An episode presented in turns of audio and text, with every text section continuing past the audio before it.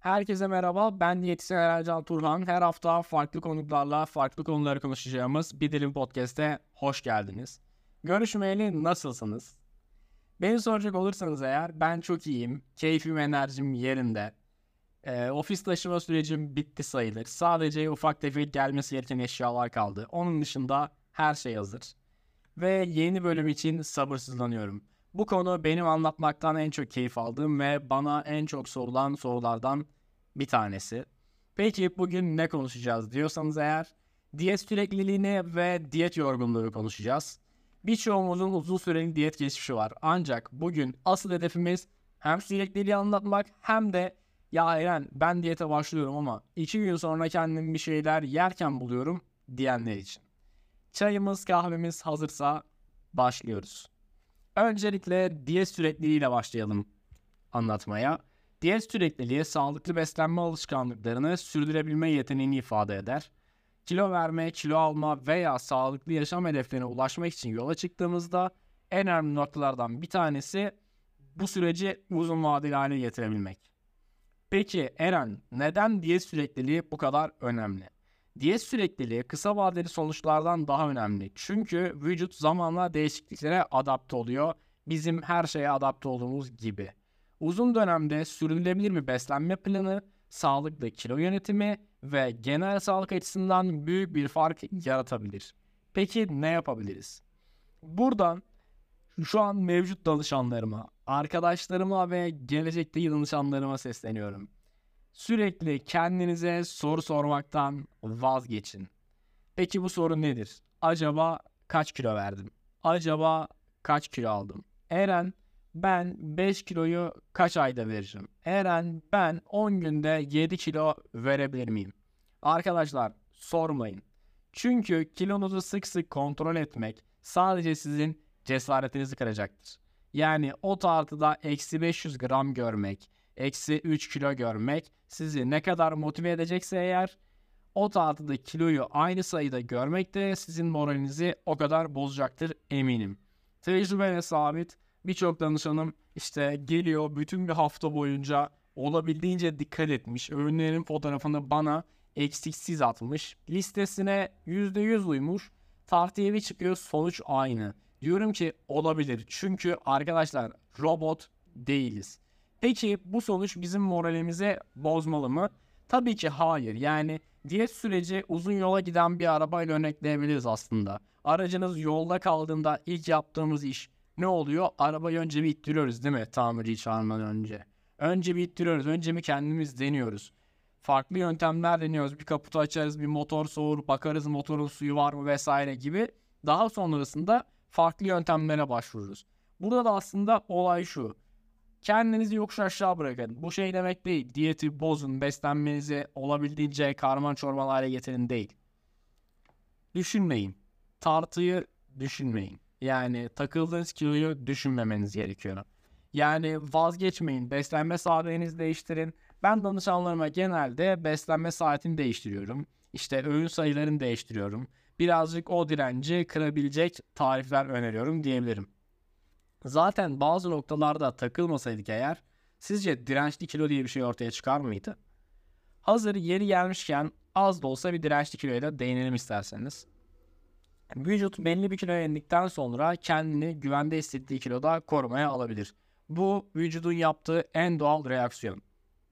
Bu durumda aslında bedenin yağ yakımı sonucu kilo verilmesine karşı verdiği bir tepki diyebiliriz. Bu duraksama sonucu sabit kalınan kilo, örneğin 60 kilonun altına düşemiyoruz diyoruz ya genelde.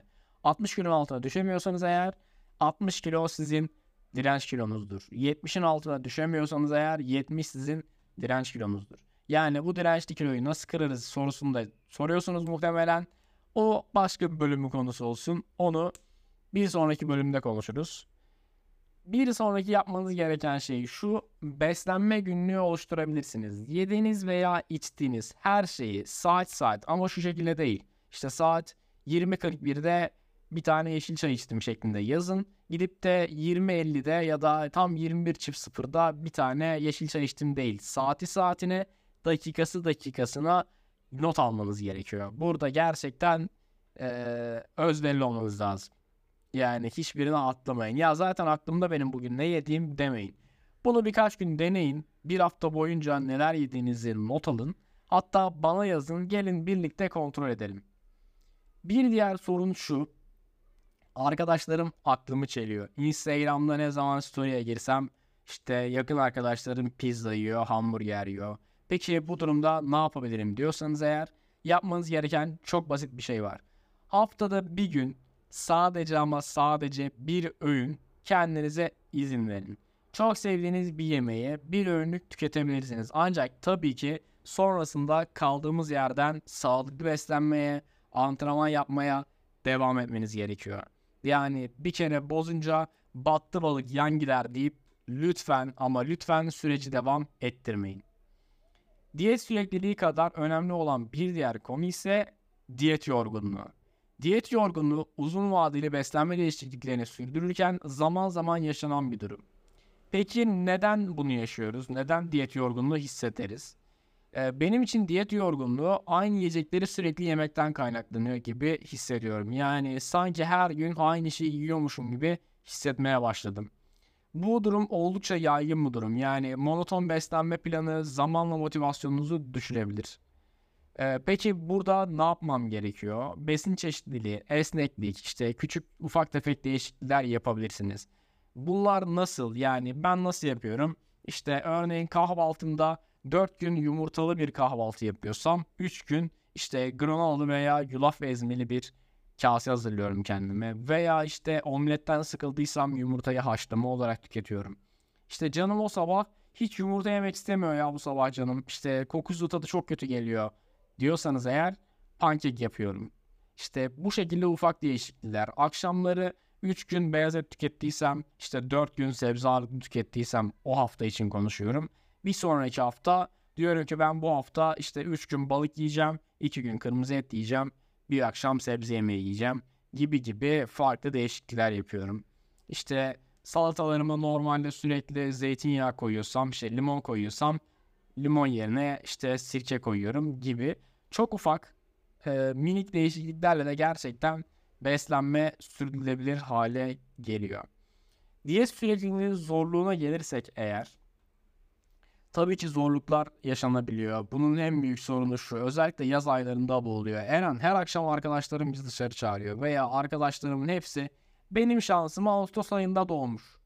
Sürekli doğum günleri var ve beni çağırıyorlar. Gitmezsem ayıp olur. Diyorsanız eğer buralarda genelde beslenme planına sadık kalmak zorlaşabiliyor. Yani burada da yapmanız gereken şey öğünlerinizi önceden planlamak. İşte bir özel davete gidiyorsanız eğer birazcık e, karnınız tok gitmek diyebilirim yani. Evde ufak tefek bir şeyler atıştırın. Daha sonrasında işte akşam yemeği yiyebilirsiniz. Veya hiç bunları yapmıyorsanız sosyal etkinlikler veya özel günlerde beslenmeyi dengelemek gerçekten çok zor biliyorum. Ancak unutmamamız gereken bir şey var. Arkadaşlar mükemmel olmak zorunda değiliz. Esnek olmak ve ödülleri dengeli bir şekilde kullanmak önemli. Hani biraz önce dedim ya size haftada bir gün bir öğün istediğinizi yiyebilirsiniz diye. İşte mesela bütün bir hafta boyunca perşembe günü dışarı çıkacaksınızdır. Perşembe gününe kadar her şeyi olabildiğince dikkatli yapın. Beslenmenizi bozmayın. Perşembe günü o ödül öğününü, ödül demek çok doğru değil bu arada ama o serbest öğünü diyeyim. Perşembe akşamında kullanın. Bu şekilde yani beslenmede süreklilik, beslenmede yorgunluk, diyet yorgunluğunu bu şekilde anlatabiliriz. Diyet yorgunluğunda bir diğer sorun şu.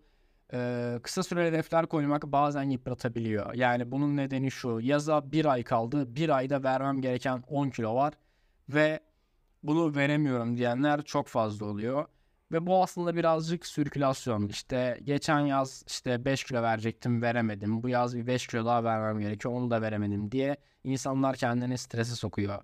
Buradaki süreç şu. Bu süreci olabildiğince e, sağlıklı bir şekilde idare ettirmek gerekiyor. Yani zamana yayın. Sadece bir ayda almıyoruz bu kiloları. E, çok sevdiğim bir hocamın sözü var. Yani bu kiloları bir haftada almadın ki bir haftada verebilesin. Tabii ki buradaki kısa süreli ödemden vesaire bahsetmiyorum. Kalıcı kilolardan bahsediyorum. Ee, bugün diyette süreklilik ve diyet yorgunluğunu konuştuk. Yani beslenme değişikliklerini uzun vadeli olarak sürdürebilmek sağlık ve mutluluk açısından çok büyük önem taşıyor. Beni bugün de dinlediğiniz için çok teşekkür ederim. Sizlerle konuşmayı, sizlere bir şeyler anlatmayı çok seviyorum. Mutlu haftalar dilerim. Bana destek olmak isterseniz eğer tüm platformlardan beni takip edebilirsiniz. Bir Dilim Podcast'i arkadaşlarınıza önerebilirsiniz. Hiçbirini yapmıyorsanız eğer bu bölümü dinledikten sonra bu bölümle ilgili yorumlarınızı benimle paylaşırsanız çok mutlu olurum. Bir sonraki bölümde görüşmek dileğiyle kendinize iyi bakın. Görüşmek üzere.